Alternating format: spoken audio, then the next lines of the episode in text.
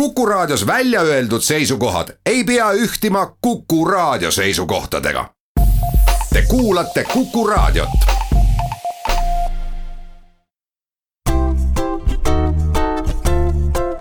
patsiendiminutid, Patsiendiminutid toob teieni Eesti Patsientide Liit tere, hea Kuku kuulaja, mina olen Kadri Tammepuu ja me räägime täna tervist puudutavast teaduse infost. kuidas seda inimesteni viia ja millega võiks arvestada, kui inimestele infot antakse. mul on väga hea meel tervitada tänast külalist. tere tulemast saatesse Tartu Ülikooli eksperimentaalpsühholoogia professor ja akadeemik Jüri Allik.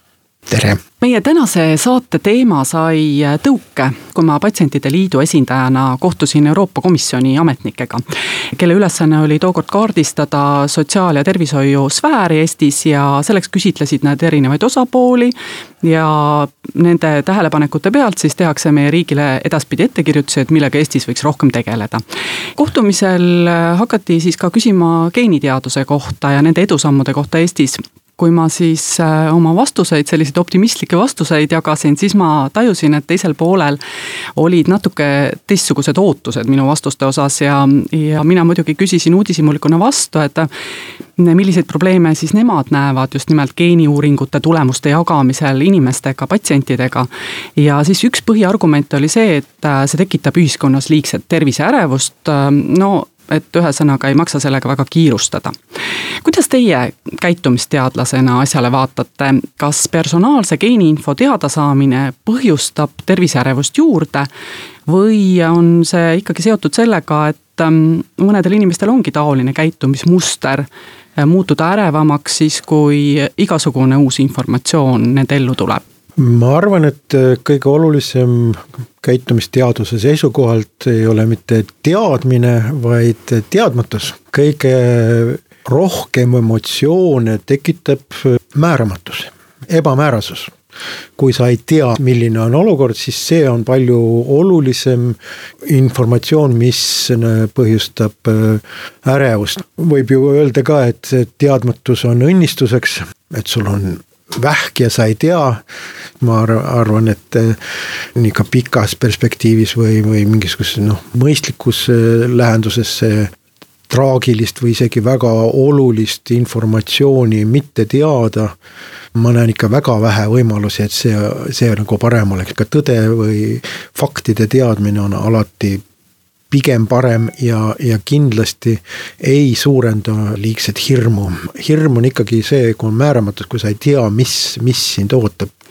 no see, mida geeniinfo jagab, see on ju riskiskoorid ja mõnikord äh, võib-olla tõepoolest, nagu te ütlesite, et hirm halvab mõtlemise. et kui me võtame lihtsalt, et äh, mõne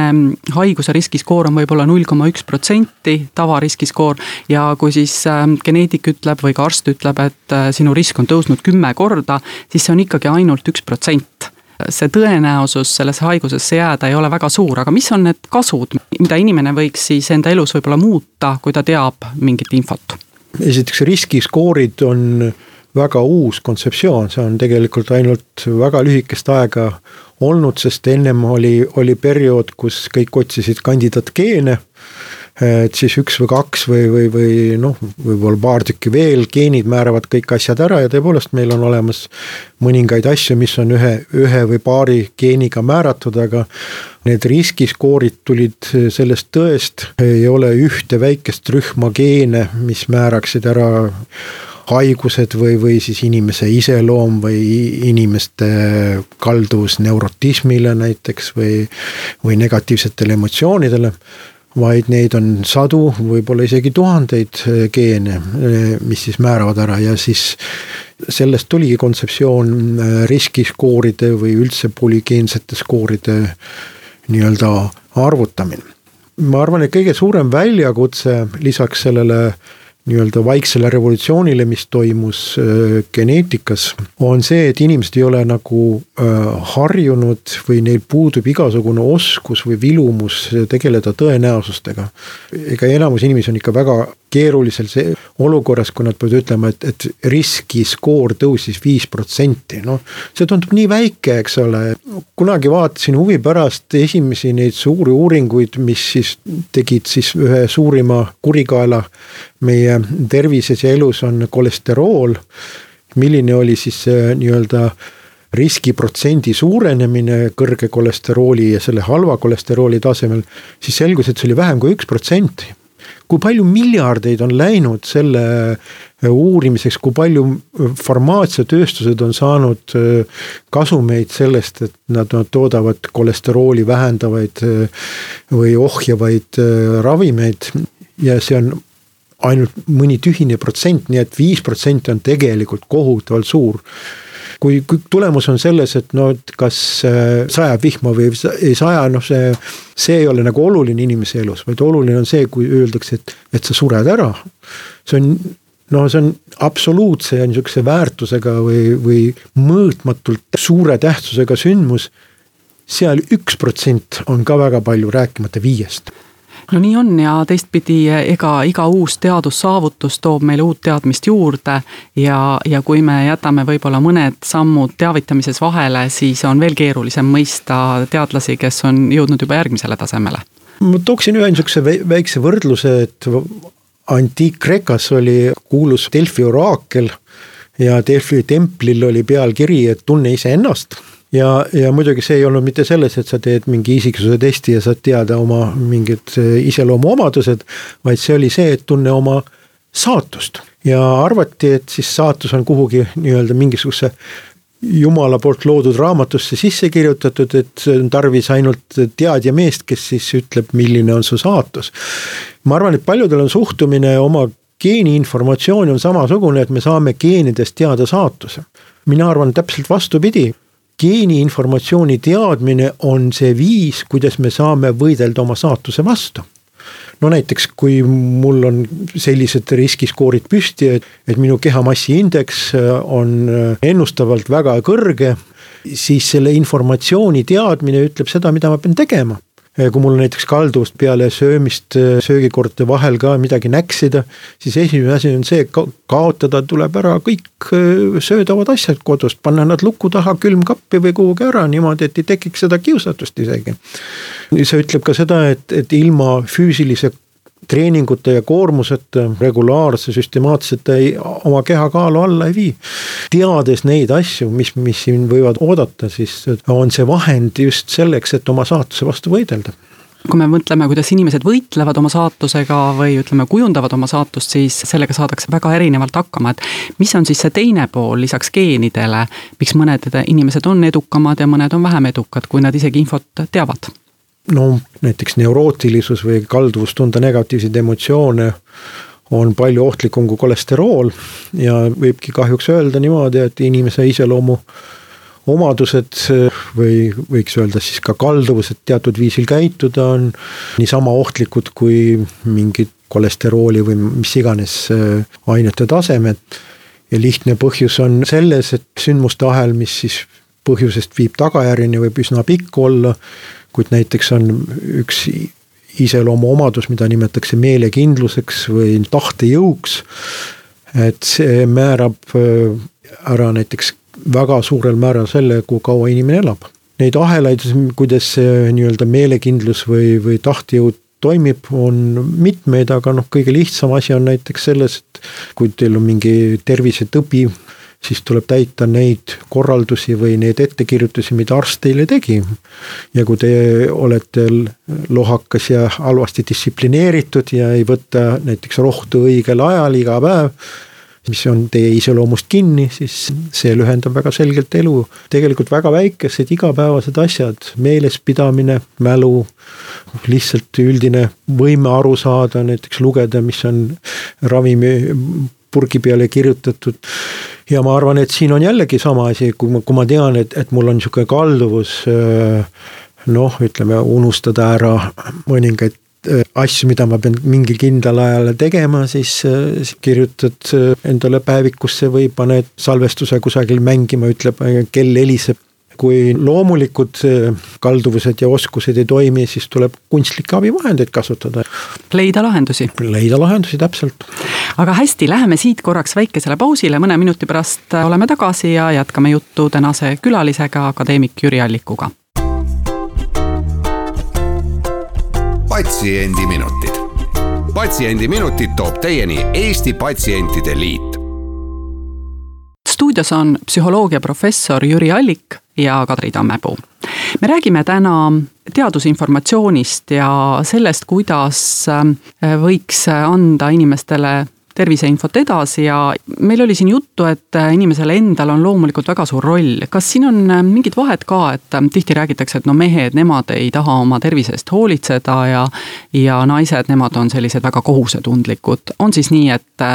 mehed vajaksid rohkem tähelepanu kui naised? See, et mehed ja naised on äh, oma kalduvustelt ja iseloomult erinevad, need erinevused on väga väikesed, aga, aga need on süstemaatiliselt olemas. see on tõesti nii, aga nendes omadustes, äh, mis võiksid nagu tervist mõjutada, seal on tegelikult need erinevused palju väiksemad. ainus suur erinevus on äh, kalduvus negatiivseid emotsioone tunda, kahjuks naistel on see loomupäraselt ilmselt siis geenidest tingitult on ta natuke kõrgem kui meestel, aga vahe on üldiselt väike. aga ma arvan, et siin on ka väga mitmesugused niisugused noh, ka stereotüübid ettekujutus, et Eesti mees ilmaasjata arsti juurde ei lähe ja ei kurda ja, ja kui just ei ole haige voodis.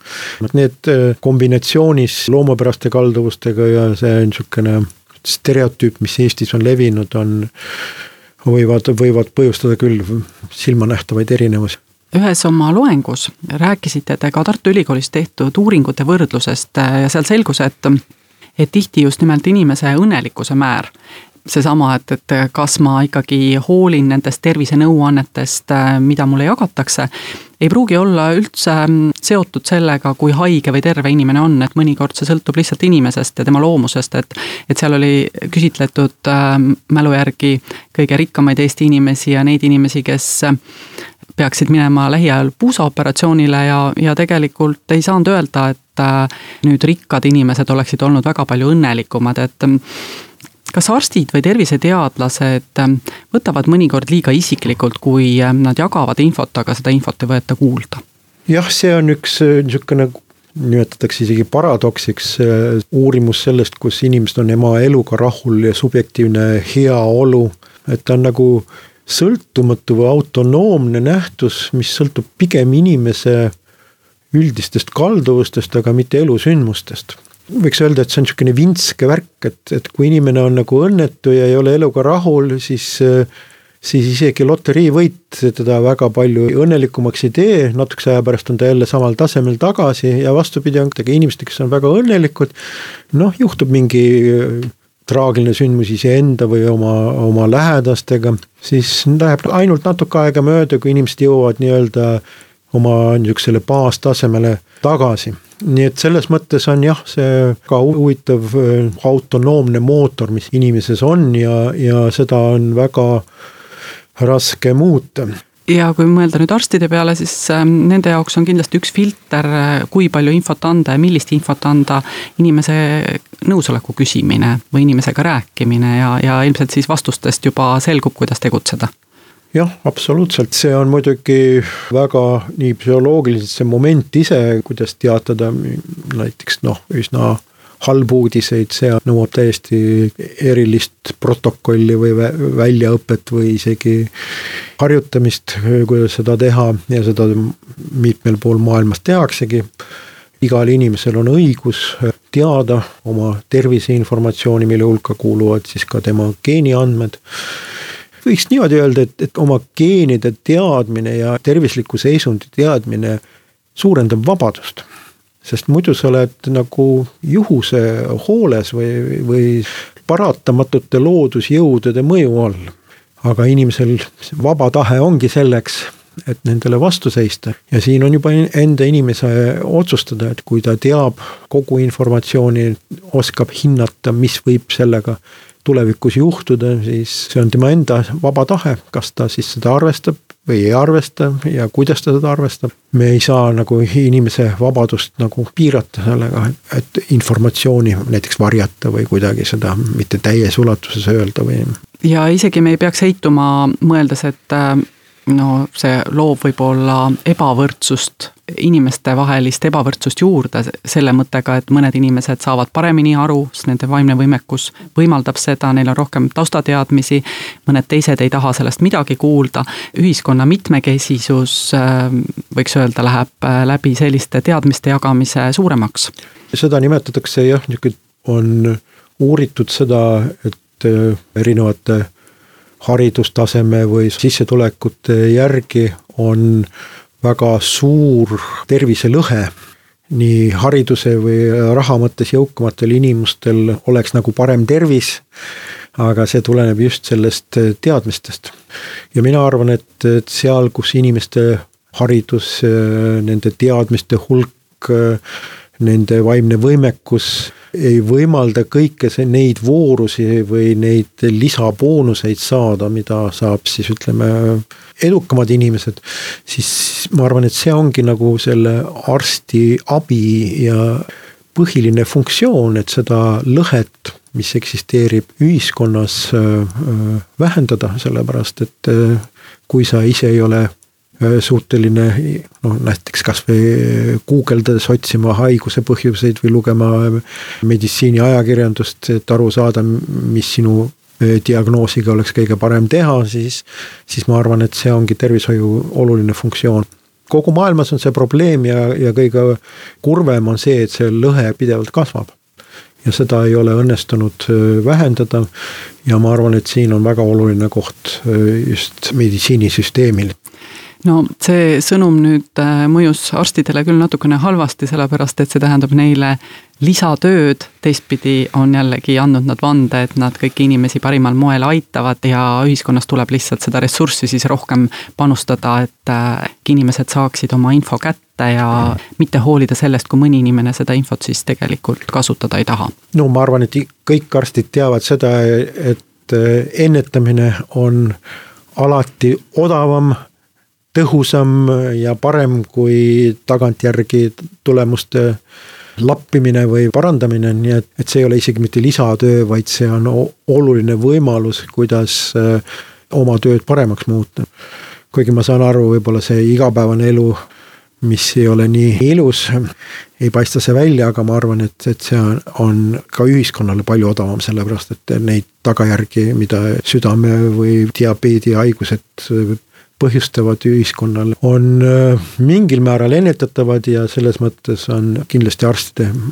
üks vahendeid, kuidas oma tööd tõhusamaks teha. aga suur aitäh täna saatesse tulemast Tartu Ülikooli psühholoogiaprofessor ja akadeemik Jüri Allik ja loodame siis, et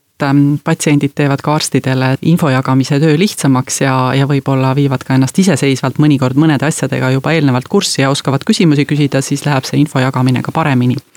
täname ka kõiki kuulajaid, saadet juhtis Kadri Tammepuu, oleme taas eetris nädala pärast ja seniks olgem terved.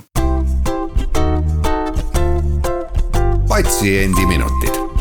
Patsiendiminutid toob teieni Eesti Patsientide Liit